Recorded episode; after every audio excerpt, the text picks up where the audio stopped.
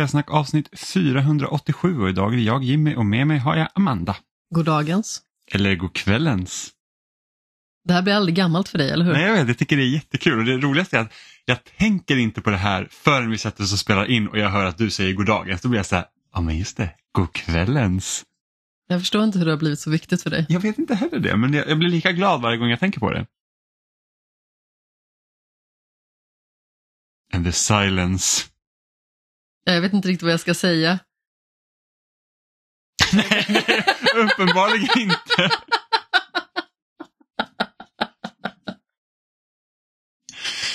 Det är alltid lika kämpigt för oss två att komma igång, vilket är lite lustigt. För att, För när vi väl börjar prata, då brukar det vara ganska svårt att få stopp på oss. ja, men det är, det, är, det är alltid lite en startsträcka när man ska sätta igång. Det, just på grund av att man, ja, men så här, man behöver bli lite varm i kläderna, det är en vecka sedan vi gjorde det här förra gången, det är liksom inte riktigt eh, normalt helt enkelt. Ja, med tanke på hur bra det gick för mig att inleda förra veckan så känns det som att jag har lite att jobba på den här. Ja, men en sak som faktiskt har hänt nu när, vi, eh, när juni är slut är att halvåret har gått. Det är korrekt analys av situationen. Och då är det så här att jag vet att många liksom har pratat om att det här spelåret har varit så himla fantastiskt hittills så att det kan typ sträcka sig att vara typ ett av de bästa spelåren någonsin. Eh, och då undrar jag bara, håller du med om det? Nej, inte än så länge. Alltså som sagt, det finns ju ganska så mycket spännande fortfarande på horisonten. Kollar man liksom ut över resten av året så ser det ju ut att kunna bli ett riktigt pangår. Men personligen så är det flera titlar som är stora som inte jag har spelat än. Och Det är ju till exempel The Legend of Zelda, Tears of the Kingdom och vi har ju Final Fantasy 16 som inte jag alls liksom har nosat på. Alltså visst, jag har observerat när du har konsumerat de här upplevelserna, men det är ju liksom ingenting som jag har satt tänderna i själv. Så jag förstår ju liksom att folk kanske ser de två, Diablo 4 och så kanske fler spel dessutom utöver det som början på ett riktigt pangår. Men eh, jag har ju liksom bara varit delaktig i en tredjedel av de spelen, det vill säga Diablo 4 som jag tycker är ett kanonspel. Jag tycker att om man uppskattar den typen av spel eller vill ha ett spel att spela tillsammans med någon eller flera så är det toppen. Mm. Men eh, jag har ju mest eh, kollat mig omkring på Indieliren känns det som och eh, faktiskt nu det senaste, precis som jag deklarerade förra veckan, tagit igen lite ur skämshögen i och med att jag faktiskt har strukturerat upp den. Och vi kommer ju prata om mer om det i podcasten Skämshögen nu till veckan också. Men för övrigt har jag också spelat om flera spel för att jag har känt liksom att jag behövt lite sån här comfort food som man säger, fast i spelform. Mm. På grund av? Jag vet inte, alltså man kommer ju in i sådana perioder. Det finns ju perioder med allt. Alltså oavsett om det gäller film, böcker, tv-serier och så vidare. Med film kan det till exempel vara så att jag konsumerar allting i en period med en specifik skådespelare för att man fastnar för den eller att man liksom får upp ögonen för någon skådespelare som kanske har gjort några grejer. I spel kan det vara liksom att man bara känner att jag behöver någonting som lunkar på. Det vill säga att man kanske spelar sitt Stardew Valley eller någonting liknande i hundratals timmar. Det kommer ju sådana perioder. I vissa perioder så kan man plöja jättemånga spel. De senaste veckorna så har jag avverkat relativt många spelupplevelser som är lite mindre. Bara för att jag liksom känt att jag har varit på gång. Och Sen så kommer det andra perioder när man typ inte orkar någonting. Man orkar liksom inte investera hjärnan i komplicerade tankebanor, utan man vill liksom bara ha den här angenäma bekvämligheten av någonting som man känner igen. Mm. Jag vet att du har ju inte lika mycket de perioderna som jag har. Jag vet inte riktigt om det är så att du kanske inte är lika så här eh, känslo och luststyrd som jag är på liksom det sättet. För du är ju mycket bättre på att ha liksom ditt spel, plöja på och sen gå vidare till nästa upplevelse och generellt sett så är det nytt såvida liksom inte du har satt dig in i något stort projekt till exempel som när du spelar alla Yakuza-spelen eller du spelar alla GTA-spelen från eh, trean och framåt. Mm, men det är ofta för att jag spelar nya spel till den här podcasten. Jo, men Det är i precis. princip därför jag ofta kämpar på och hoppar vidare. Sen så tycker jag ju om att klara spel när jag spelar. Så att, Ja, gud ja. Alltså, det är det är flera en stycken i år. känsla. och det är flera stycken i år som jag liksom har släppt. Alltså bara så att jag har spelat, typ, jag har inte klarat ut Hi-Fi Rush, jag har inte klarat ut Persona 4, jag har inte klarat ut ehm, Fire Emblem. Ehm, så det är liksom jättemånga spel som fortfarande släpar efter. Men jag vet ju att när jag väl börjar på ett nytt spel så är det risken att jag inte går tillbaka till det gamla och eh, fortsätter. Ja, men precis. Och jag är ju lite annorlunda än du där. Att jag kan ju gå tillbaka några år senare och sen bara liksom plöja igenom det sista. Till exempel då med Nino Kuni som vi har tagit som alternativ ungefär 17 000 gånger. Mm. Det är ett ganska så tydligt exempel på hur jag liksom fungerar. Egentligen. Mm. Nej, men det är bara för att om jag går tillbaka och spelar någonting gammalt sen så då, då är det ju massa nya grejer som missas också. Det är det som är problemet, att det är liksom spelsläppen slutar aldrig. Nej, men det är ju klart. Och det är ju typ, alltså i höst så ser det ju, alltså oktober ser väldigt mörkt ut. Ja, det beror på hur man ser. För att det är ju liksom, jag tror inom loppet av en vecka kommer typ fyra spel som är stora som jag vill spela. Alan Wake 2, Spider-Man 2, eh, Super Mario Wonder och typ Assassin's Creed Mirage. Kommer alla ut inom samma vecka. Det finns ett spel av dem som jag definitivt vill spela och som är viktigt för mig. Och det är ju Spindelmannen. Och sen på andra plats så kommer ju naturligtvis Mario, men det ska vi spela ja, men det kan vi tillsammans. spela tillsammans, så att då, då, liksom, då får man liksom lite en ursäkt till att spela det. Jo men precis, men då kommer vi förmodligen ha så att vi spelar Spindelmannen på varsin skärm och sen så har vi Mario som vi liksom då tar i lite pauser där vi spelar tillsammans. Mm. Och, det är, Ungefär li- som vi har nu, liksom varsitt spel och sedan så spelar vi Diablo 4. mm, och det är lite jobbigt nu när vi, har, vi är inte klara med Diablo 4. Och så håller jag på med Final Fantasy 16 och det är liksom så här bara att för det blir så att på veckodagarna blir det ett val. Du måste göra antingen spelar du Diablo eller spelar Final Fantasy. Det är liksom inte som att man kan spela båda. Även om du har någon sån här fäbless för att vi kan spela typ en halvtimme här och sen hoppar man på nästa och jag är typ såhär bara nej det här är en hel kväll nu. Ja, men vi har ju lite olika synsätt på Ja, tycker- spelande och hur det liksom delas upp. Jag spelar gladeligen en halvtimme, 40 minuter av någonting och sedan så spelar jag någonting annat. Ifall du till exempel känner att du vill spela ännu mer Final Fantasy så har jag inget emot att bara spela kanske så här 40 minuter Diablo, bara så man känner att man får lite progression, man kanske gör något uppdrag och så vidare. Men du känner ju liksom att det här är mitt liv nu. Nej men alltså jag, jag tycker inte om att spela i små, jag, jag, jag liksom, om jag ska spela ett spel som Diablo kan jag inte bara säga att vi kör en halvtimme, då är jag så bara, what's the point? Då kan jag lika bra spela två timmar av något annat. Men jag känner också sådär att när det gäller Diablo till exempel så har vi ju kommit till en punkt där det är lite kämpigt. I och med att vi är ju inga Diablo-fantaster någon av oss. Vi är liksom inte sådana som kan sätta oss in i de här liksom små detaljerna som jättevana spelare kanske gör. Och på det viset blir det ju också för oss att vi som spelar på veteran, som då är liksom eh, det näst svåraste, eller mitten eller vad man ska säga, för det finns väl tre stycken svårighetsgrader. Så det är typ normal, veteran och så någon till. Rövhålssvårt kanske det heter, jag har ingen aning. Men eh, då visar det ju sig liksom att i början så är det väldigt görbart. Men sen så, precis som vi pratade om tidigare, så levlar ju allting annat med dig, vilket gör att när du inte får liksom bättre saker, då blir det liksom tungt och de här små fienderna som liksom följer efter en i horder, de tar jättelång tid att nöta ner. Så det är därför jag också känner lite grann att ja, men då kan man ta sina 40 minuter, göra ett uppdrag så man i alla fall får lite progression i spelet och sen så kan man spela någonting annat som kanske då känns lite mer lustfyllt för tillfället. Mm. Men det finns ju en lista som jag tänker att du, är, du gillar listor. Jag älskar listor. Ehm, och just det här med att Vad är det för lista? de bästa, de 20 bäst recenserade spelen under 2023. Ska du ta dem hela vägen Hittills. igenom? Jag tänkte göra det. Ja, men jag gillar det. Eh, för det, det. Jag tänkte det kan vara kul liksom, eh, nu när halvåret har gått. Från 20 till 1 då. Ja, precis. Vi börjar inte på nummer ett för att det, det känns så värdelöst att börja i toppen. För att man bryr sig inte lika mycket om nummer 20 efter att man vet nummer ett. Ja, men Även om jag precis. tror att de flesta kan nog lista ut vilken nummer ett är, men det, är ändå lite spänning. Så på plats nummer 20 så ett spel som heter Doomblade.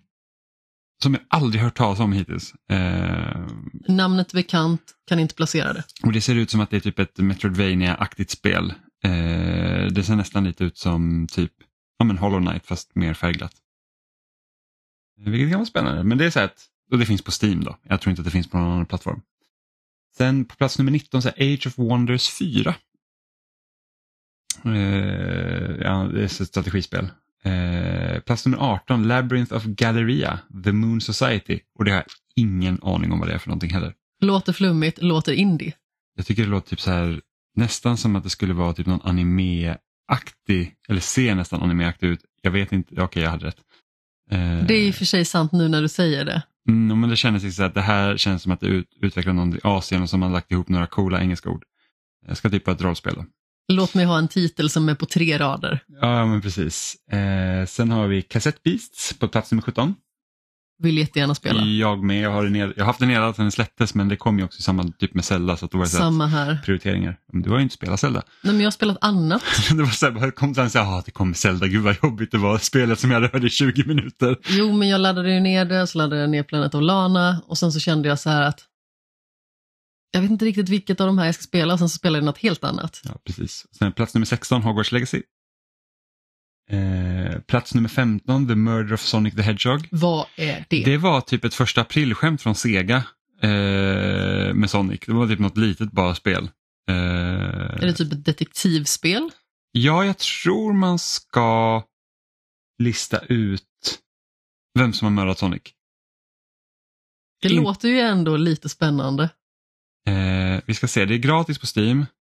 Eh, och så här står det på beskrivningen på Steam då. Sonic the Hedgehog was murdered? Get to the bottom of the mystery in this brand new adventures. Kom 31 mars. Är det was murdered? frågetecken? Ja.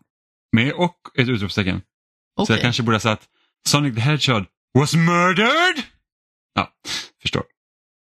Alla djur i lägenheten blev rädda och gömde sig. Och jag tror faktiskt att folk var så här, tyckte att det var, eller ja, uppenbarligen tyckte folk att det var bra med tanke på att det är den här listan, men att det var liksom, det var inte bara en ploj utan det var liksom, det var, det var ett bra spel. Så det är lite kul faktiskt. Eh, plats nummer 14 är Octopath Traveler 2. Och det är ett spel jag känner att jag skulle vilja spela på grund av musiken. Jag har hört att den ska vara jättebra musik i det. För jag var inte så förtjust i första spelet. Jag tyckte att man, man band inte ihop storyn med de olika karaktärerna och det var så här, vilket waste. För att det, så att det kändes som att varje gång du började med en ny karaktär kändes som att du började om. Och då liksom bara så här, jaha, okej. Okay. Vad jag har förstått så ska det vara mer av samma fast bättre. Ja, precis. Jag har också hört det, liksom att folk som inte gillar Octopath Traveler 1 gillar Octopath Traveler 2. Men det var så att man är lite försiktig med att spela ett spel, en uppföljare på ett spel som man inte gillade. För det är så här att, men alltså, var, varför skulle jag göra det då? Men eh, kanske någon gång. Eh, för som sagt, striderna i första Octopath Traveler tycker jag är jättebra. Det är bara storyn som jag inte tycker om. Sen har vi på plats nummer 13 A Space for the Unbound. Som vi kommer att prata om sedan. Och Det har ju du spelat ganska mycket av. Du har, du har, klarat, du har klarat ut det till och med. Och det här vet jag, det här var ju ett eh, sånt här spel som många pratade om i början av året när det kom. Kom i januari. Eh, precis. Eh, plats nummer 12, Humanity. Eh, är det också ett spel som jag skulle vilja spela. Plats nummer 11, också anime. Paranormal Sight, The Seven Mysteries of Honjo, okej. Okay. Det måste det ju vara. Okej, okay, jag trodde du visste vad det var för någonting. Absolut inte. Vi ska, vi ska kolla. Eh, ja, där har vi Paranormal Sight, The Seven Mysteries of Honjo. Ja, ja, jo, jo, jo, det är utvecklat av Square Enix också. How far would you go to bring someone back from the dead? Discover the depths that some will go into this horror adventure game. Ah, visual, det är en visual novel. Okay. Det, kan, det kan säkert vara kul. Alltså de, det görs ju många sådana bra spel. Det är bara att jag känner ju ofta så att jag vill ju helst... Alltid så kul att väcka upp de döda. Ja, men jag vill ju helst inte läsa. Alltså, jag tycker inte om att läsa på skärm. Det är väl det jag tycker är jobbigt. Eh, och därför blir det så här, typ visual novels och sånt, det blir, kan bli lite jobbigt, lite segt. Ja, men det handlar ju om att göra det på rätt sätt. Precis som vi har pratat om tidigare, om man gör det liksom i bra proportioner, som till exempel Dream Daddy eller Citizen Sleeper, som var två av mina älsklingar från förra året. Nu kom ju inte Dream Daddy förra året, men det var ju mitt liksom favoritskämshögspel från förra året där känns det liksom som att de har gjort bra avvägning i hur man liksom ska utföra det här rent eh, presentationsmässigt. Mm, jag spelade något spel där man typ, det var typ som varulv eller maffia eh, i spelform när man spelar med sig själv. Och nu minns inte jag vad det heter. Har du spelat i år? Nej, det här var nog förra eller för förra året. Just det, det här Gnosha. har inget minne av. Just det, det ja. Och det var ju typ som en visual novel också. Eh, men det var rätt så kul för det var liksom roliga spelmoment i det. Och det, jag tittar på trailern nu på det här eh, Paranormal Sight och det ser ut som att liksom det är lite detektivarbete och sånt i det också. Eh, så det kan säkert vara jättebra. Eh, plats nummer 10, ja, topp 10 nu då. Plats nummer 10, Star Wars Jedi Survivor. Och det var ett bra spel. Ett av få spel som jag faktiskt har spelat Mm. på den här listan. Mm, jag har ju spelat, jag tror på topp 10 har jag nog spelat nästan alla. Eh, plats nummer 9, Diablo 4. Plats nummer 8, Hi-Fi Rush. Och det, det spelet har inte jag klarat. Och, och, det liksom, och det var ju liksom ett jätte, alltså jag tyckte att det var bra. Eh, sen så blev det bara ett annat kom. Det känns ju som att plats nummer 7, 8 och 9 jobbar med eh, ganska så många decimaler i och med att de har samma Ja, precis samma snitt. då. poäng. Eh, precis. Så, nummer sju, Theater Rhythm Final Barline. Och det är ett spel som jag också känner att åh, det här hade varit kul att spela. Eh, men jag är inte lika nostalgisk till Final Fantasy-musik som många andra, typ målgruppen för det, det spelet. Men jag, jag kan tänka mig att det är kul. Framförallt så är det ju väldigt ikonisk musik. Ja, men så är det ju. Eh, så har vi plats nummer sex, Final Fantasy 16. Plats nummer fem, Dead Space Remake.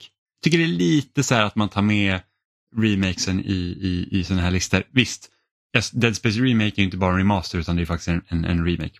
Jo, absolut. Eh, men det är så här ah, det, det är lite tråkigt ändå. Men eh, Dead Space Remake var ju såklart toppenbra. Jag är lite förvånad över att...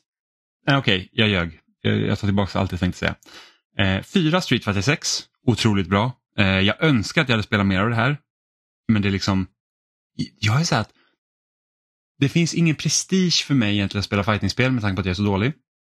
Men jag kan inte låta bli att när det är så intimt som ett fightingspel är, att, liksom att det är en mot en när du kör online. Jag blir jättenervös när jag spelar online. Oavsett om jag blir totalt ägd eller liksom om det är tight. För att det är så här att man är så, man kan vara så nära på att vinna. Hela tiden. Jo, men precis. Men man vet ju liksom att det sitter en faktisk människa som kanske är svinbra på andra sidan. Jo, jo, men det är liksom så att jag har ju, Vem som helst hade blivit nervös. jo, jag vet, men det är så att man, alltså man spelar liksom, man kan ju spela vilka multiplayer-spel som helst, men just liksom, alltså jag spelar i Marvel Snap jämt. Och där är ju en annan människa på andra sidan. Och det är inte alls lika nervöst. Fast det kan också vara en bot. Jo, det kan också vara en bot. Jag kan ju köra mot bottar i Street Fighter också, men det är liksom så att man blir... Ja, men förmodligen för att jag inte är i mitt rätta element heller. Eftersom jag inte är så duktig på fightingspel så blir det så. Eh, plats nummer tre, Resident Evil 4 Remake. Och det är lite som Dead Space där, att det är så att ah, det är en remake, men samtidigt så att visst, Resident Evil 4 är heller inte bara en remaster, utan det är ju liksom, det är faktiskt omgjort. Sen har vi plats nummer två, Metroid Prime Remastered. Och det här är ju en remaster, det här är ju Metroid Prime, punkt. Ja, det är en position som känns lite feg. Jo, jo, men samtidigt folk här, alltså det här tar ju bara, det här är bara eh, liksom, vil- vilka spelare recenserat som har släppt i år och så har man tagit det. Ja, Så men det är väl Metacritic.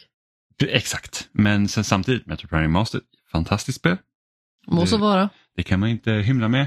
Och då på plats nummer ett så är det ju The Legend of Zelda Tears of the Kingdom. Denna chock. Mm, också ett bra spel. Ja, det kanske det är. ja, somliga hade kunnat spela lite mer som man vet. Ja, nej, det var lite dåligt av mig. Men samtidigt så känner jag liksom att jag kanske har varit sugen på att spela annat. Och, eh, och, så här, och, och Tears of Kingdom är ju jättebra. Eh, dock hamnar det spelet lite i samma folla som Super Mario Galaxy 2 för mig. Jag älskar Super Mario Galaxy 1 och jag liksom fastnar inte lika mycket för, för Galaxy 2. Jag älskar Breath of the Wild och jag tycker om Tears of Kingdom jättemycket men det är så att det är inte samma sak.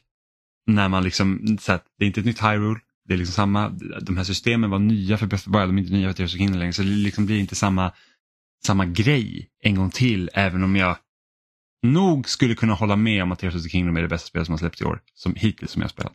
Min närmaste vän från bowlingtiden tycker ju väldigt mycket om Zelda och har också just plöjt Tears of the Kingdom.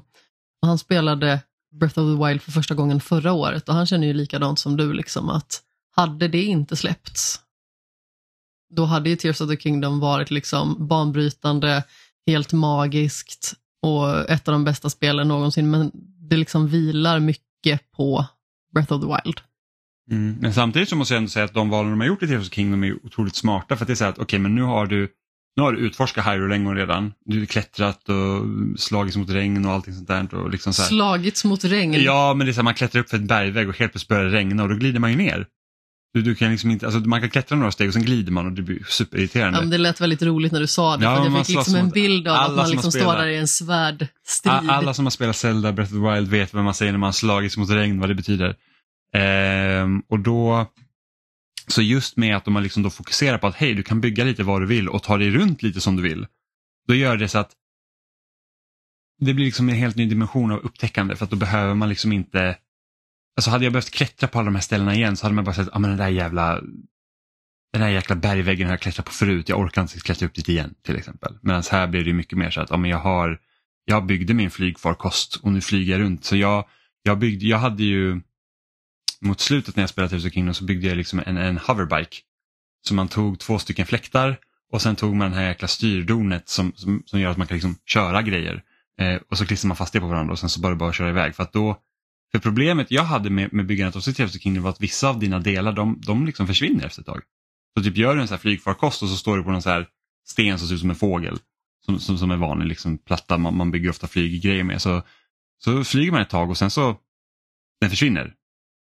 Och då liksom faller allt. Och liksom det, det är så att, ja, men, då min flygfarkost jag har byggt här, då kan jag liksom inte jag kan inte flyga den så länge jag liksom väljer att ha den. Eh, så det blir lite jobbigt. Men med hoverbiken, de delarna försvinner inte. Så då var det bara att flyga runt. Det var lite kul. Känner du att det är något spel som saknas på den här listan? Alltså jag är ju väldigt förtjust i Dredge, eh, måste jag säga. Eh, och tycker att det är liksom personligen en av mina liksom, eh, favoritspel i år. Eh, men samtidigt så, jag har inte spelat alla de här spelen heller som finns på listan, så vem vet, det kanske petas ner jättelångt. Ja, alltså, jag är också väldigt sugen på att spela Dredge. Det ligger där och väntar på mig på min Playstation 5. Och jag vet ju liksom inte riktigt hur flera av de här spelen eh, står sig mot eh, det eller mitt eget val och det är ju The Last Spell som jag har pratat om ganska så mycket här och fick eh, utrymme att dra en nästan orimligt lång harang i Svamppodd också. Det är ju verkligen ett suveränt spel som jag tycker att de som uppskattar framförallt strategispel och att liksom optimera en bas och gillar det här småpillet och liksom ingen form av tidspress direkt. De borde verkligen sätta tänderna i det och jag kommer förmodligen tjata på dig att spela det till mina döddagar och du kommer förmodligen aldrig spela det heller. Men eh, jag skulle säga att för egen del så är det definitivt det bästa spelet som har släppts i år. Det är briljant. Jag är lite förvånad över att Pizza Tower inte finns med på listan. För det vet jag att det var så himla många som var så positiva kring när det släpptes. Ja, men det kan jag förstå. Um, så, att, det, det, är lite så här att åh, det hade jag nog nästan förväntat mig att det skulle vara här. Sen är det ett annat spel som vi inte kommer att prata om så mycket idag utan kanske nästa vecka då, som också fått jättebra betyg. Dave the Diver. Ja, Dave the Diver, ja precis. Dave the Diver. Ja, det är ju... Jag kan inte ta namnet seriöst. Nej, men det är lite kul. Eh, det har jag ju börjat spela på. Eh, och Alltså jag har bara kört en timme så att jag, liksom, jag vet typ vad det går ut på och det är det. Eh, men så att man spelar som Dave the Diver då. Som, ja, man, man, man, man är liksom en, en gammal dykare men numera liksom kanske lite på, man, man, man, är, lite, man är lite rund och, och lite satt helt enkelt. Eh, och sen så är det, man blir riktigt så här slimy försäljare typ kommer upp till en och bara säger så här, ja ah, men du som kan typ dyka efter fisk, vi ska öppna typ en sushi-restaurang. Eh, så att, eh, häng med så kan du också få vara med på den typ. Och sen så är, är man ett, litet gäng så öppnar man en sushi-restaurang och driver den här sushi-restaurangen så att du har, på dagarna fiskar du så då får du liksom dyka ner i vattnet. Och, och det här vattnet, eller eh, mm, det är typ en, en sjö som, som har några magiska egenskaper då, att den ändrar sig varje gång från dag till dag. Så att det är liksom inte samma sjö du dyker ner i, typ roguelike element, liksom, att det är slumpgenererad bana. Liksom. Eh, och sen får du liksom åka ner och fiska och sen så på kvällen så öppnar ni då sushi-restaurangen och så får du liksom servera gästerna mat. Och så. Och liksom bygga menyn och grejer. Dyka David om dagen, mm. sushi-Sven om natten. Ja, fast man, eh, man, är inte, man är inte kocken. Så att säga. Det, det är en annan som är kock. Synd. Eh, men man får servera maten och så får man liksom sätta upp grejer på menyn. Och det är liksom av... Man får bara göra grovgörat hela ja, tiden. Ja, men precis. Och det är av den, den fisken du har fångat under dagen. Så det är en ganska rolig jag tycker det är en ganska rolig premiss och sen så kan du liksom då uppgradera det och det finns liksom sidouppdrag som du får. Liksom, bara, men vi, om, om, du hittar de här grejerna så kan vi göra det här och oj men nu behöver vi de här fisken. typ så att Det är en massa olika sidokaraktärer som kommer in hela tiden eh, och liksom bygger på spelets liksom, story. För att det är liksom inte det är inte som typ Moonlight där det typ så, ja, men du har en shop och sen så ska du liksom ner på, som du driver då och sen på nätterna så är du ute och liksom jagar monster och eh, samlar på dig grejer att sälja dem. Men det tar ju lite den idén liksom om att du... Driver man en shop i Moonlighter? Ja, Okej. Ja, ja du, du, du har ju en shop så du får lägga ut dina grejer så här, och så, så kommer folk in och köper och så har du ett pris på det och sen så på eh, nätterna så då, då, liksom är du, då går du in dungeon crawler liksom och dödar monster. Nu ökar det intresset direkt för det ännu mer, för det ligger i min skämshög. Mm. Ja, men det, alltså, jag skulle ha recenserat det för loading men då lades ju sidan ner. Eller det var det precis i bytet mellan gamla och nya. Så att jag har en recension på Moonlighter som är färdigskriven på min dator. Eh, som inte har släppts. Jag blandar alltid ihop det och The Messenger. Ja, Okej, två vitt skilda spel. Ja, de heter inte nästan samma sak, men liknande namn. Och sen så har jag för mig att de släpptes i ungefär samma veva. Eller åtminstone samma ja, år. De, de, är, de är rätt så nära varandra i alla fall. Tror jag nog. Eh, Tillräckligt förvirrande. Mm. Men Moonlight, Moonlight gillar jag väldigt mycket. Eh, och jag tror att David David kommer riktigt bra. För just det här att det är ju en story i det också. Eh, och så typ att man blir approachad och så bara, ah, men det är någon gammal så här, fiskcivilisation som lever här nere. Kan du försöka hitta artefakter och sånt? Och så kommer det liksom utökas. det. Så det är liksom det är ju inte ett oändligt spel utan det finns ett slut. Vilket är skönt för att jag som sagt jag tycker att det är så himla svårt att komma in i roguelites för det är så här bara att alltså, man spelar om samma, samma sak igen hela tiden. Men här blir det en helt annan grej. Liksom. Du dyker, du fångar fisk, du, gör, du får se till att maten blir gjord och sådär. Eh, Kanske därför du har så svårt för The Last Spell också på pappret. Ja, ja, och sen så har jag ju sett när du har spelat och sen så här, bara, ja men då är det så här, turordningsbaserade strider och det är så här, bara, och det, det, bara, det tar ännu längre tid. På grund av det.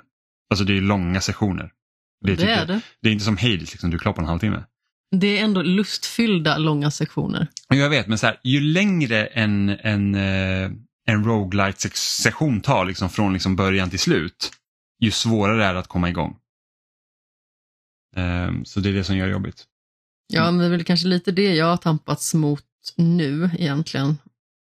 På grund av att jag har spelat många andra spel emellan så är det ju liksom kanske lite trögare att faktiskt ta sig in i det igen.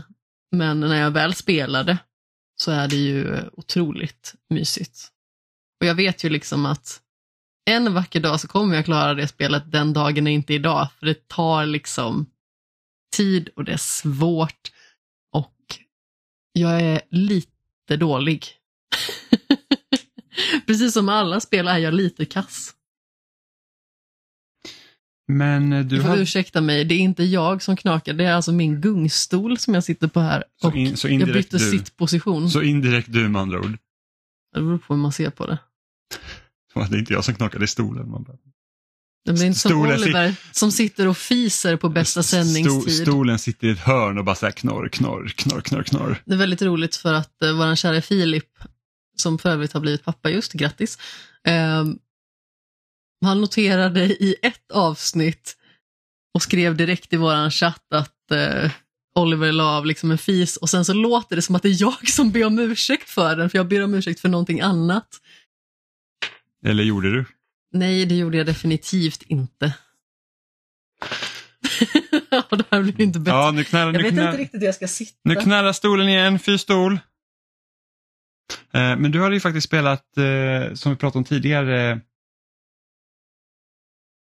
jag tappade helt namnet. A Space for the Unbound. Tack! Jag bara så vad hette det? Och så bara skannar jag den här listan jag har på datorn för att kolla vår liksom, topp 20-lista för året. Och så bara så här, jag ser det inte. Du har ju spelat eh, något spel. Ja, men du hade ju spelat Space for the Unbound. Så, så vad är det för någonting?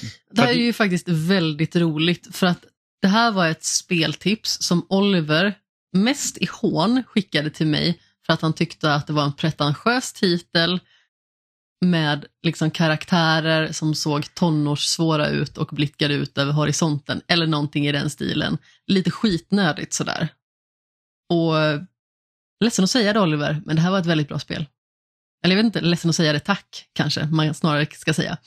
Och det är ju ett spel som utspelar sig i 90-talets Indonesien och det känns ju som kanske en miljö som man inte har bekantat sig med så himla mycket tidigare. Och det cirkulerar främst kring ett tonårspar vars tillvaro blir märkligare och märkligare. Hjälp. Det var en video som gick igång. Jag förstår. Så vad var jag? Jo, deras tillvaro blir konstigare och konstigare. Det börjar hända mer och mer övernaturliga saker. Och den här karaktären som man främst då får följa vars perspektiv man ser allting från Atma. Eh, han märker liksom att det är någonting lurt med hans flickvän som han dessutom liksom inte riktigt i början heller kommer ihåg. Så jag trodde liksom... du skulle säga att han typ inte var, bara, man inte riktigt är kär i. Så bara, vem är denna människa? Ja, det är ju också ett tema i spelet, liksom. Eh, kärlek och att man kanske inte riktigt litar på folk för att man känner sig sviken och, och sådant. Men det kan vi komma till lite senare. Men egentligen så är det mest fokus på pussellösningar i det här spelet. Så man tar sig liksom in i folks psyken för att kunna hjälpa dem och för att kunna reda ut olika saker. Så när de här myskofika sakerna händer så behöver man helt enkelt djupdyka i psykena, någonting som kallas space dive Eh, helt enkelt lösa ett pussel där inne. Och Det kan vara att liksom man behöver gå ut ur själva den här djupdykningen, hitta någonting i den så kallade verkliga världen och sedan ta sig tillbaka in i psyket. Så man håller liksom på och vandrar ganska så mycket fram och tillbaka, vilket dels inte är jättekomplicerat egentligen, men det kan bli lite tidskrävande kan jag känna ibland, liksom att man när man är på typ femte kapitlet av sex går runt väldigt mycket och även i fjärde kapitlet också. Och eh, inte bara liksom vandrar genom folkpsyken och tillbaka ut i verkliga världen och så hattar man så fram och tillbaka utan det kan vara att man går in liksom i någon form av parallell verklighet liksom genom en reva i tiden. Och sedan så behöver man liksom gå igenom ytterligare en reva och sen in i någon människas psyke och sedan tillbaka ut och sen måste man hämta någonting där och så behöver man kuta igenom revan och så håller man liksom på så, så det kan bli lite förvirrande. Det är egentligen inte jättesvårt, men ibland så kände jag liksom att okej, okay, jag behöver kanske lite stöd här för att veta liksom vad det är jag ska göra. Så det kan vara bra, eller nödvändigt till och med, att ha lite papper och penna med sig. Eller kanske anteckna i mobilen vart det är man ska för någonstans. För det kan vara lite många lager ibland.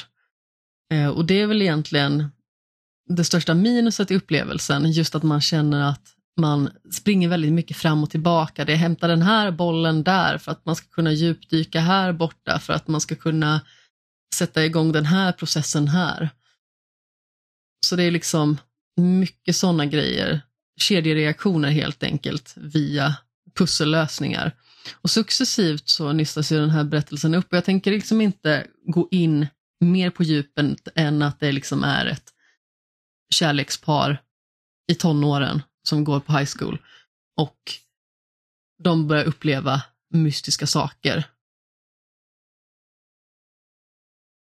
För att liksom när själva upplösningen kommer och man förstår mer hur allting hänger ihop så blir det liksom en väldigt känslosam upplevelse.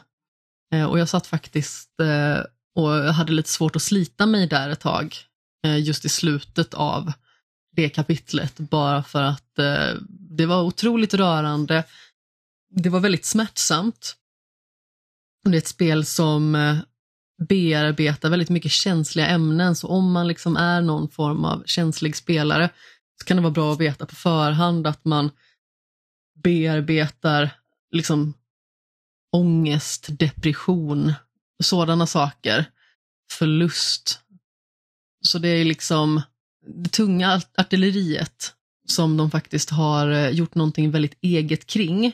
Och i början så känner man liksom sig väldigt förvirrad för att hela spelet inleds egentligen med en prolog som består av en drömsekvens. Och i början så tänker man liksom att, att det är de här två som spelet handlar om. Och ja, det gör det. Men sen så möter man liksom en ny karaktär och man förstår liksom inte riktigt hur det hänger ihop i början. Men sen när det börjar liksom nystas upp, då blir det liksom helt plötsligt klart för en vad det är som har hänt. Och eh, det slår faktiskt väldigt hårt. I början var det mest liksom så ett mysigt, fint spel. Det är väldigt trevlig pixelgrafik. som liksom har målat upp den här indonesiska lilla staden Mm. och alla dess invånare. Och eh, ungefär en myriad katter varav alla går att klappa naturligtvis. Det är fantastiskt. Man kan också klappa gäss och eh, hundar. Så man kan klappa det mesta som man vill kunna klappa, vilket är väldigt trevligt. Eh, men katterna har också en ganska så central roll. Liksom. Det finns en anledning till att de är där. Mm. Så det är liksom inte bara ett gulligt moment, men det är ett väldigt gulligt moment. Mm. Ja, det här spelet vill jag spela. Du vill det, eller hur? Mm. Ja, ja, jag det- såg hur du satt och sneglade ganska så mycket, men, men förstod det- du vad det var liksom som hände? Nej, Nej, men det är bra. det är medvetet att jag inte kollar för att inte bli spoilad. Jo, jo, men det är Ehm, väldigt lätt när man liksom sitter och sneglar och så eh, råkar man se någonting i fel läge i och med att vi sitter precis bredvid varandra. Jag har ju sett en hel del av Final Fantasy 16, inte för att jag är så himla känslig för att eh, veta vad det är som händer, men eh, jag vet ju liksom nu ganska så avgörande saker i det spelet.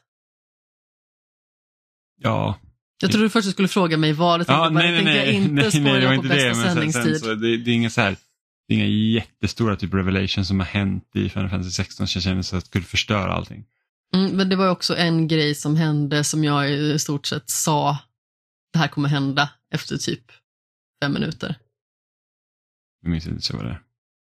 Nej, men vi kan ta det efteråt. Men, eh, nej men tror, största problemet med Final Fantasy 16 var ju det att efter prologen så var man ju så här att ah, men det är så här det ligger till och sen så hanterar då huvudkaraktären precis som att det var ett stort mysterium. Och man bara, men alltså har jag missuppfattat någonting nu eller var det inte det som hände som jag trodde hände? Vilket det var. Eh, men det var bara att spelet betedde sig precis som att vad är det som har hänt? Och vilket var skit, skitstörigt. Alltså, typ, ja, man går runt i 5-6 alltså fem, sex timmar liksom så här, bara att ja, man går efter det här mysteriet och som man redan vet svaret på. Eh, det, det, det gillar inte jag. Man har ju lite svårt för det när man själv liksom har koll på den fulla bilden, Men, men spelet men karaktärerna inte Ja. har det. och spelet presenterades då mer som att det inte är så att vad är det som har hänt utan det är så att det här hände. Och sen så då, liksom visst, det kan ju finnas någonting intressant i att veta så att okej, jag vet vad som händer men huvudkaraktären vet inte vad som händer så, så hur påverkar det honom och hur går han vidare? Men det tycker jag väl kanske inte spelet gör något vidare bra då. Nej, nej men precis. Ja, Jag förklarar det kanske lite dåligt också. Alltså det är naturligtvis så i många upplevelser oavsett om det liksom rör film, tv-serie eller spel att man vet mer än själva huvudkaraktären. Men här verkar det liksom som att den här karaktären borde veta det här. mm. Och det är väldigt konstigt att han Eller- typ låtsas som att det inte Jag förstår att han inte vet det ändå, liksom i kontext i spelet, men det är inte spännande för mig att gå efter de liksom ledtrådarna som jag redan vet om. Det är så att jag vet ju det här. Det här borde liksom avklaras mycket snabbare. Ehm, så det är väl typ lite det som är... Det är mer spännande att få reda på det längs med vägens gång, vilket man också får i A Space for the Unbound som du har lagt i din skämshög. Eller då, det kanske inte är så mycket skämshög när det var ett halvår sedan det släpptes. Alltså det har varit i min wishlist sen det var nytt så att det är liksom... Det är planen i att spela det. Ja, Ehm, jag har ju en sån liten ful regel att om det fortfarande är ett spel från liksom, det aktuella året, då räknas det inte som ett skämshögspel. Okej. Så egentligen liksom så Pentiment som släpptes jättesent, det räknas som ett skämshögspel för att det släpptes förra året. Ja, men så är det. Ehm, Men jag har ju fortsatt på Final Fantasy 16 som sagt. Ehm, Och jag, jag tycker fortfarande om spelet. Jag tror det största problemet jag har just nu är, jag tror att det, det är Final Fantasy 14-utvecklarna som har, har utvecklat Final Fantasy 16. Vilket gör att det är liksom det finns MMO-delar i det här spelet som är bara så att åh, det där borde bara försvinna typ. Och det, det är egentligen strukturen på många av uppdragen. Liksom. Ehm, för du har ju de här liksom, huvuduppdragen där liksom har de här bombastiska stora striderna som är liksom skithäftiga och man var så här, ah, pulsen på 180 typ. Eh, men sen däremellan, i huvuduppdragen så kommer helt plötsligt liksom, alltså, det, alltså spelet blir så otroligt segt emellanåt. För det är liksom så här, i huvuduppdraget så bara, ah, men nu, nu är du ute på de här, liksom, du ska hjälpa den här personen i, i ditt camp liksom. Eh, som behöver de här grejerna och då är det liksom så här, att, ah, men, åk till det här stället och sen så när man är där, bara, ah, men, prata med tre townspeople. Och man bara, okej. Går man till, till tre stycken olika markörer och pratar med dem. Och sen bara, oj, du fick inte reda på vad du behövde. Du måste prata med tre till townspeople. Och man bara, alltså, jag vill, alltså, jag vill inte gå och prata bara med folk. Alltså det är så här att och då började jag fundera, varför tycker jag att det är tråkigt att gå och prata med folk i Final Fantasy medan typ i Mass Effect så var det roliga som fanns. Liksom det var så här, att efter varje huvuduppdrag då var det bara så här, yes nu kan jag prata med alla i min besättning och se om de har något nytt att säga. Men det är för att du har en relation till de karaktärerna och är investerad i de karaktärerna och inte investerad i tre townspeople. Nej, men dock kan man ha en relation typ med liksom personerna i, sin, i sitt camp. Liksom, om, om jag har en person i campet som bryr sig om någonting då borde jag ju indirekt kunna bry mig om det. För att liksom, den här personen skulle jag kunna bry mig om, men jag bryr mig inte om dem heller. För att man, de känns som typisk, alltså klassiska så här, NPCer i ditt camp. Som de har gett typ någon, försökt ge någon personlighet. Det är så här, ja men här är typ smeden som behöver, du ska hitta de här grejerna och så ska han prata om det och man säger jag är totalt ointresserad. Eh, Medan typ de karaktärerna man faktiskt har med sig som, som, är i ens party när man är liksom ute och slåss och sånt, de är betydligt roligare liksom, att göra grejer för. Men, men liksom just det att det kan gå, du kan alltså komma från en så här, riktigt så här, topp av att, liksom, att jag har slagits mot typ en så, alltså, en så stor fiende att min liksom, karaktär när han liksom blir också så här, typ ett stort monster är så liten.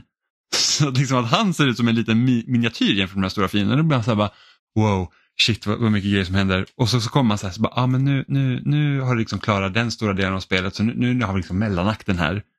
Och den håller på typ i två, tre timmar där du går och gör typ ingenting vettigt. Alltså det känns, som bara, bara springer fram och tillbaka och bara pratar med folk. Och man så här, alltså jag vill bara fortsätta storyn. Det här bryr jag mig inte om. Och det måste jag göra. Det annat har varit sidouppdrag. Alltså sidouppdrag kan, behöver inte vara dåliga men de kan vara dåliga för då kan man ignorera dem. Eh, och det finns dåliga sidouppdrag här också. Eh, men det är liksom så här att ha typ sidouppdragsaktiga quest mitt i liksom huvudquesten är verkligen så här.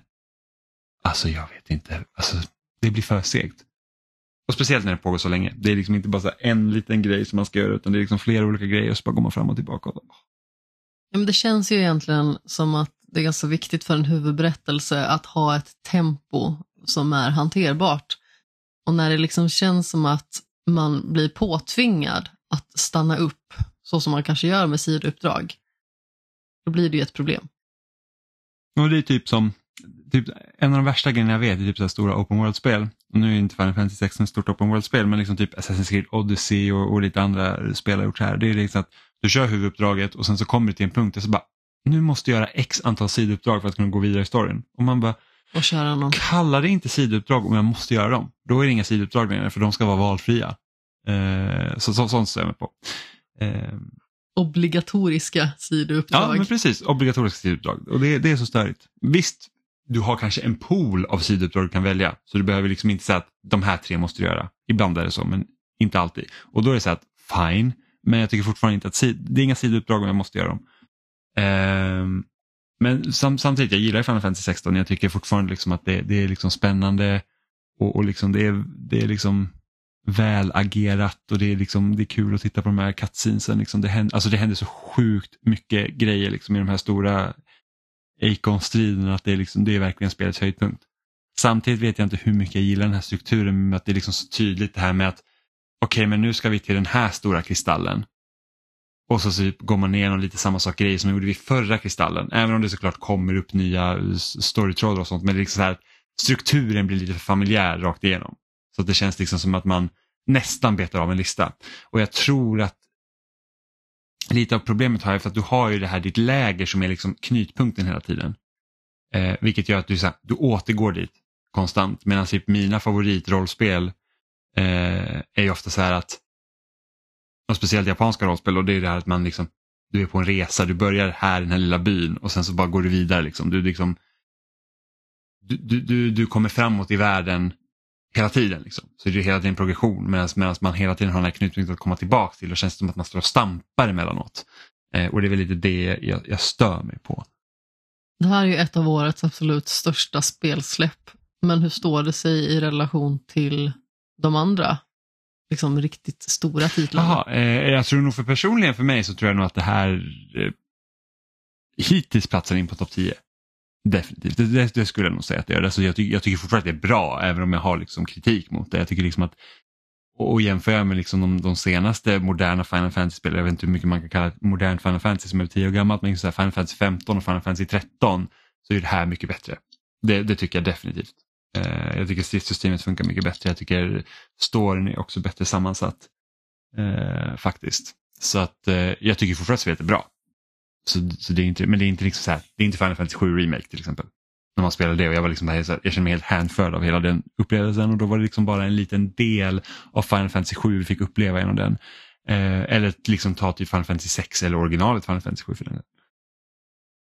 Så att det, men, men det, det är fortfarande bra. Det är liksom så att jag vill inte att, att jag vill inte känna så här att åh, jag är lite negativ om det så nu tycker jag inte om det alls. Utan jag, liksom, jag ser fortfarande fram emot att spela det. Det är bara Ja. så här att tempot i spelet är så jävla lustigt att du liksom kommer verkligen från de här stora toppen när du gör de här jättestora striderna och sen så bara ja men nu ska vi göra saker som man inte riktigt bryr sig om i några timmar. Men det kan vara viktigt för folk att tänka på faktiskt när man lyssnar också att bara för att vi ger spel lite kritik så betyder ju inte det att vi ogillar spelen. Utan det handlar ju om att liksom ge en så nyanserad bild som möjligt och det är väldigt lätt när man älskar ett spel att man liksom överöser det med kärlek och sen så ser man kanske inte riktigt de här små sakerna som egentligen kanske inte är så kanon. Men eh, det är faktiskt eh, viktigt att försöka ge en så nyanserad helhetsbild som möjligt. Liksom. Det är samma sak i Space for the Unbound som jag sa tidigare, att det finns moment som man lite granna kan tycka är lite så här enerverande eller blir lite för utdraget och sådär. Och det hade man ju gärna kunnat tajta till. Men det är liksom ändå helhetsintrycket som ändå lämnar ett starkt avtryck. Och jag antar att det är lite samma sak för dig, liksom att visst det finns saker i spelet som du tycker är irriterande, som du tycker är onödiga, men du gillar fortfarande spelet. Ja gud ja. Alltså som sagt jag spenderade fan 120 timmar i fucking Assassin's Creed Valhalla. Man hade gott om så här grejer som man bara så här, men ändå spelar det. Ehm, så att det, så är det ju alltid. Ehm, Där var det i och för sig lite svårt att veta om det var ett spel du inte gillade så mycket och att det var självplågeri eller om du faktiskt tyckte om det. Nej, men alltså, jag tyckte om delar av det. Ehm, sen så var det ju all, alldeles för stort för sitt eget bästa. Det tappade ju typ bort sig själv kändes det som. 30 av de 110 timmarna. Men det sjukaste var att Vad jag var, ju, jag var ju klar med storyn efter 45 timmar tror jag. Och resterande timmar gick att rensa kartan. Stod och försökte fiska upp en fisk som inte Ja men, spånade. ja men den där fisken det, gav vi för det var, det var någon bugg i det att det var att en fisk jag behövde fånga, den liksom, det fanns någon bugg i den så att typ när det regnade då typ spanade den inte och så behövde man typ fästa, det var liksom så här skitjobbigt. Det var typ sista achievementet jag hade också vilket är jättestörigt. Eh, men så kan det vara. Ehm, jag har ju dock inte bara spelat Final Fantasy 16, jag har ju även spelat det första Pikmin.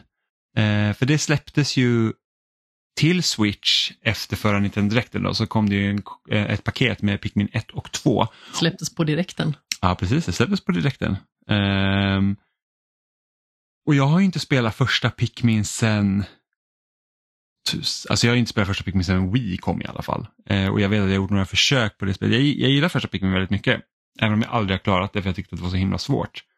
Ehm, och för de som inte vet så Pikmin det är ett spel där man, man spelar som Olimar då, eh, som kraschlandar på en, på en planet och där hans, liksom, hans skepp går så pass mycket sönder så man behöver hitta, liksom, det är 30 delar du måste hitta på 30 dagar. Eh, och då har de här Pikmin till hjälp som du liksom, man kan säga att man föder upp Pikmin Vad är Pikmins? de, de är så små liksom växtliknande varelser eh, som, som hjälper till att typ bära grejer och slår fiender och sånt. Så Har de typ olika element? Ja, precis. Det finns ju, I första spelet så finns det rö, röda, blå och gula Pikmins. Där de röda tål eld och är starkare. De blåa kan andas under vatten och de gula eh, hoppar, eller kan kastas högre och eh, de kan bära bomber. Så alltså att det, med de här olika egenskaperna så får man liksom lösa då egentligen spelets pussel och anledningen till att jag inte klarade första Pikmin eh, när jag var yngre då, det här släpptes ju 2002 från början, då var jag 11, var det att jag tyckte det var så himla svårt liksom att, alltså att ett tidspress tycker jag inte om. Det, det är en av de värsta grejerna i, i, i spel. Vanligtvis brukar jag tycka, jag hatar verkligen att ha den stressen. Eh, och jag fick så himla dåligt samvete när Pikmins dog. För att, att de dör och sen så kommer en liten själ ur marken och så låter det jätte... Så, bara, ah! typ. Och man var så här, oh my god. Och jag försöker liksom, när jag var liten då försökte jag liksom klara spelet utan att någon Pikmin skulle dö. Och jag tror att typ för att få bästa slutet så måste man se till att inte allt för många Pikmin dör, tror jag. jag. Jag är osäker på det, om det är något jag inte har åt mig själv bara. Mina damer och herrar, jag presenterar Jimmys barndomstrauma. Ja men, ja, men du, det, det var ju så hemskt för att Ja, du vet, man är 11 år så är man inte riktigt heller helt high på engelska. Liksom. Det, det är ju liksom saker som, som man inte förstår. Eh, och det man, man kan ha, du kan, du kan föda upp hur många Pikmin som helst. För att du har, de har så här typ stora, de kallar dem lökar, men det är liksom som en liten rymdfarkost liksom för Pikmins. Eh, så varje, varje typ av Pikmin har liksom sin egen. Och så, så kan man liksom lagra dem där helt enkelt. Eh, och du kan max ha 100 Pikmin ute åt gången. Då. Så jag är väl på typ andra banan tror jag, eller någonting sånt. Och jag har ju bara röda Pikmin än så länge. Och drar ut 100 röda Pikmin ur den här löken och ska gå liksom och samla de här delarna.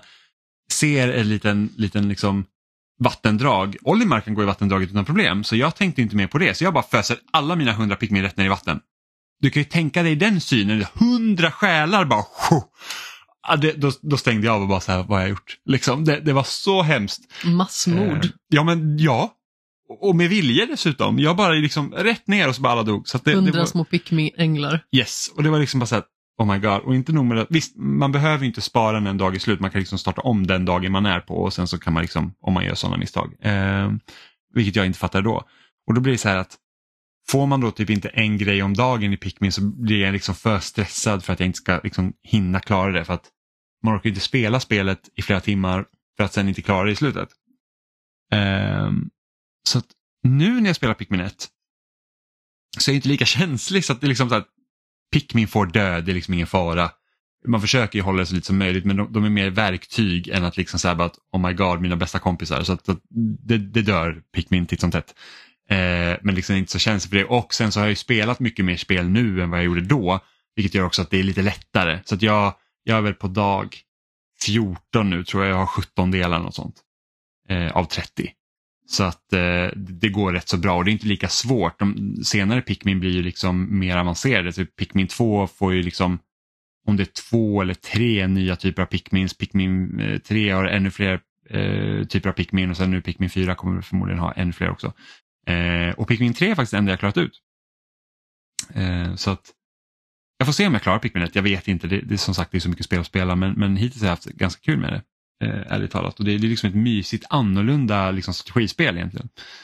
Eh, och Pikmin 2 hade ett jätteroligt multiplayer-läge. Eller ja, så roligt som man tycker att det är när man är typ 13 och jag och Robin spelar mot varandra. Då. Eh, jag tror i det multiplayer-läget så går det liksom ut på att man ska antingen samla mest delar eller typ få mest Pikmin eller någonting sånt. I, eller man ska hämta vissa objekt till ens egen bas och så kör man eh, mot varandra en mot en. Liksom. Eh, och då, då kan man liksom så här boosta sina pickmin så att de liksom mördar de andra pickmin snabbare och lite sånt. Så att jag och Robin spelade ganska mycket. Eh, så, att, så att det var ganska kul. Det låter som någonting ni skulle göra. Ja, men jag och Robin har så himla skumma grejer som jag för oss. Vi hade en natt så, så spelade vi NHL 2004 och det enda vi gjorde var att slänga oss på marken efter pucken och skrika buhu och tyckte det var asroligt. Um, så att ja, det, nej men, men Pikmin, Pikmin är kul och jag är jättepepp på fyran. Det ska också, fyran ska ha ett rewind-läge som gör att om du gör typ ett misstag så att man känner bara, ja men fuck, så kan man liksom spåra tillbaka lite. Typ som bil, alltså moderna bilspel har ju typ det. Ja, Fire Emblem. Ja, Fire Emblem. Så att det är ju liksom, det, det känns ganska nice. Jag får se om jag hinner klara Pikmin 1 innan Pikmin 4 kommer. Jag tror inte jag kommer klara, jag tror inte jag kommer börja på Pikmin 2 innan dess. Eh, men ändå kul, det är liksom ett, det är ett speciellt spel. Eh, en speciell typ av spel, det är liksom inte, inte, det är inte riktigt som andra. Det låter som det. Mm. Och det är verkligen kanonkul. Men ja, jag tror det var allt vi hade för idag va? Men jag har ju fler spel. Ja, vad har du spelat då? Alltså förutom att jag har uh, spelat Firewatch som jag blev liksom väldigt sugen på att spela när jag uh, tatuerade in en uh, bild från Firewatch på armen. Jag tatuerade över en annan. För att jag kände att eh, det typsnittet som den texten hade är inte riktigt någonting som passar mig i dagens läge. Så därför så tatuerade jag över med en tjusig bild på det här eh, tornet istället från Firewatch och så lite skog och berg och sådär. Eh, men förutom det så har jag också spelat ett spel som heter Melatonin. Och det är ett lite fyndigt namn på det här spelet för melatonin är ju ett eh, hormon som reglerar sömn och vakenhet. Och det här spelet handlar helt enkelt om att man spelar sig igenom en killes olika drömmar. Då får man gå in på olika banor som eh, handlar om olika sorters drömmar. Så det kan vara drömmar knutna till mat, träning, jobb och så vidare. Så alla banor har liksom ett säreget tema. Och de här banorna baseras på taktkänsla. Så det är ett rytmspel helt enkelt, där man använder sig av knappkombinationer och rytm för att få så hög poäng som möjligt. Så i, stil med många andra spel så kan man liksom få en, två eller tre stjärnor beroende på liksom hur bra ifrån sig man gör. Man kan naturligtvis missa en knapptryckning helt, men man kan också vara tidig, man kan vara sen och man kan träffa den perfekt. Så generellt sett så handlar det liksom om att hitta en rytm och sedan passa in knappkombinationerna. Så varje bana har ett övningsläge och då får man liksom testa på och se liksom var i takten som knapptryckningen ska komma. Och så säger att det är fyrtakt till exempel, ja men då vet man kanske att den här hamburgaren den skjuts iväg på fjärde taktslaget. Och då vet jag det till sen när jag kör poängläget och sen så finns det hard naturligtvis också. Vilket är lite lustigt för att när jag spelade hard på vissa banor så tycker jag att det känns lättare. Och jag vet inte riktigt varför. Men visst, alltså skillnaden i det här spelet är att det finns ingen taktpinne att gå efter. Liksom alltså, alltså, ofta i rytmspel så har du, liksom, du ser liksom en, en, en liten bar och så, där, tryck, tryck, tryck. Utan det här är ju mer visuellt och ljudligt presenterat. Så att jag såg att du var på någon bana där du var och typ. Och då, så här, då landar liksom grejer på sådana här um, visningspedestaler egentligen. Så här, en, två, tre, fyra.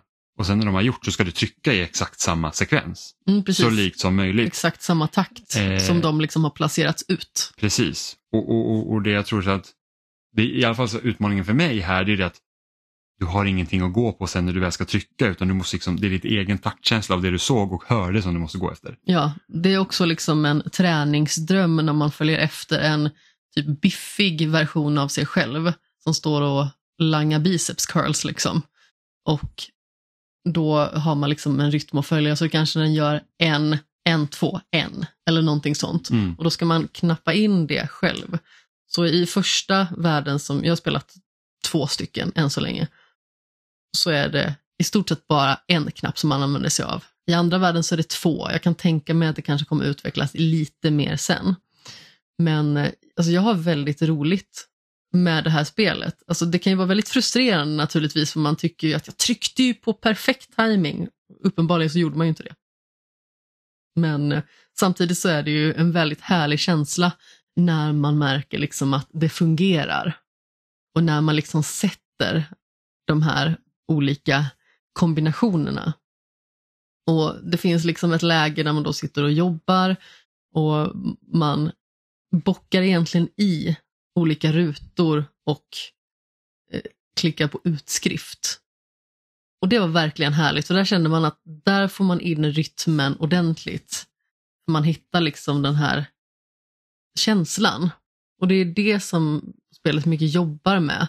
För att man får ju små indikationer i miljön på när det liksom är dags att klicka. Och det är samma sak i en bana liksom när man hoppar då eh, genom små telefoner som då ska liksom så här symbolisera att man drömmer om sociala medier.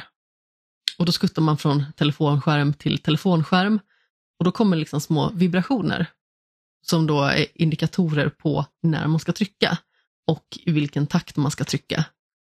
Och som sagt, det är ju väldigt härligt när man liksom känner att det sitter. Man kan bli väldigt sur. Jag tror inte jag blivit så extremt sur i och för sig. Men man kan bli väldigt sur när man liksom känner att man inte hittar det riktigt. Och jag tror att det var någon gång som jag kände att jag fattar verkligen inte. För till en början så var det just den här telefonbanan. Mm. Men när jag väl förstod det, när det väl klickade, då kände jag så här att ah, gud så härligt. Vilken upplevelse ändå. Och det känns ju som ett väldigt fyndigt sätt att ta sig an rytmspel. För det finns ju liksom många olika sorters sådana. Det är samma sak med Sayonara Wild Hearts. Nu tycker jag att det är ett spel som är sju resor bättre. Det är ett av mina favoritspel som sagt. Men jag tycker att det är smarta sätt att göra taktbaserade spel som liksom inte bara handlar om att du liksom ska följa en specifik liksom, puls. Alltså som sagt, jag gillar Beat Saber till exempel och där har man ju också någonting att gå efter som liksom är väldigt tydligt. Men eh, jag tycker det är kul när det kommer sådana kreativa lösningar på det. Där man liksom tvingas att tänka i lite andra banor helt enkelt. Man måste liksom vara uppmärksam på någonting helt annat som liksom skärmen har att erbjuda. Sen är det ganska så trevligt visuellt också. Det är ganska så eh, nertonat färgmässigt. Så lite mer pastelligt sådär. Mm, ja, men det, det ser väldigt fint ut att titta på. Mm, det blir väldigt myskänsla av det. Man får ju liksom väldigt mycket så här eh, pyjamas och täckekänsla när man sitter och spelar det. Jag tror att det liksom presenterades som ett så här lo-fi musikäventyr. Eller mm, ja, men det känns stilen. som att någon har tittat på den här lo-fi beats eh, playlisten på Youtube och bara så här, ja ah, men vi har ett spel som påminner typ om det. Ja, jag vet inte riktigt vad mer det finns på en eh, Steam och Switch, om det finns på något mer. Men jag har i alla fall spelat det på Switch och eh, det gör sig ändå väldigt bra. Jag spelade det mest i bärbart läge. Dels när vi åkte bil, för vi var ju uppe i eh, Dalarna och besökte Dalhalla och såg på Johan Glans och då åkte vi ju bil i sisådär 11 timmar ungefär. Ah, nej, ännu mer, kanske 12 timmar i helgen och då hade jag med mig min switch och spelade i bilen precis som att du spelade Pikmin och Dave the Diver. Så eh, ja, men det funkade väldigt bra i bärbart läge. Jag gillar ju att spela switch så. Men jag tyckte ändå att det funkade väldigt bra när jag kom hem, satte det i tvn också, trots att det generellt sett ju är lite fördröjning. Ja, switchen är lite jobbig på det sättet att, um, att det är liksom Bluetooth-signalen som går till, till kontrollerna inte är, det, det är för hög delay. Det mm, märker precis. man ju typ när man kör, um, typ när jag kört Xenoblade och sånt och när man gör vissa specialattacker så ska man liksom tajma in en knapptryck och man säger att jag måste helt ändra min timing för att det stämmer inte. Och, och pinsamheten i när vi sitter och streamar, att man säger att Super Mario Bros 3 är ett av de spelen som jag har nött mest av alla och så hoppar man direkt typ ner i ett hål för att tajmingen är helt ur balans. Mm, ja, det, det är jättemärkligt, jag vet inte riktigt hur man... Jag vet inte om det hjälper om man kör trådad kontroll direkt till konsolen. Det borde göra det beroende på hur, hur den hanterar det. Men det är lite störigt. Alltså i rytmspel så är det ju förödande om inte tajmingen sitter. Ja, men precis. Men vi kommer ju prata mer om spel naturligtvis eh, nästa vecka i podden. Vi har ju inte något uppehåll direkt. Men däremot så kommer vi också prata om eh, ganska så mycket spel i skämshögen. Det här nästa avsnitt som då släpps antingen den här veckan eller nästa vecka beroende på när jag hinner klippa det. Det kommer spelas in den här veckan i alla fall. Så eh, det finns mycket att höra om spel under sommaren fortfarande. Och har man liksom eh, något att dela med sig av så kan man ju alltid höra av sig till oss. Antingen frågor och funderingar eller om eh, det finns något spel som man tycker liksom att vi borde spela, något som kanske inte vi har haft på våran radar. Som är liksom sådana här gömda pärlor. Så uppskattas ju det naturligtvis alltid. Det är kul att utöka skämshögen. Också lite självskadebeteende naturligtvis. Ja, det har sett för mycket spel. Jag kommer ihåg typ maj 2010.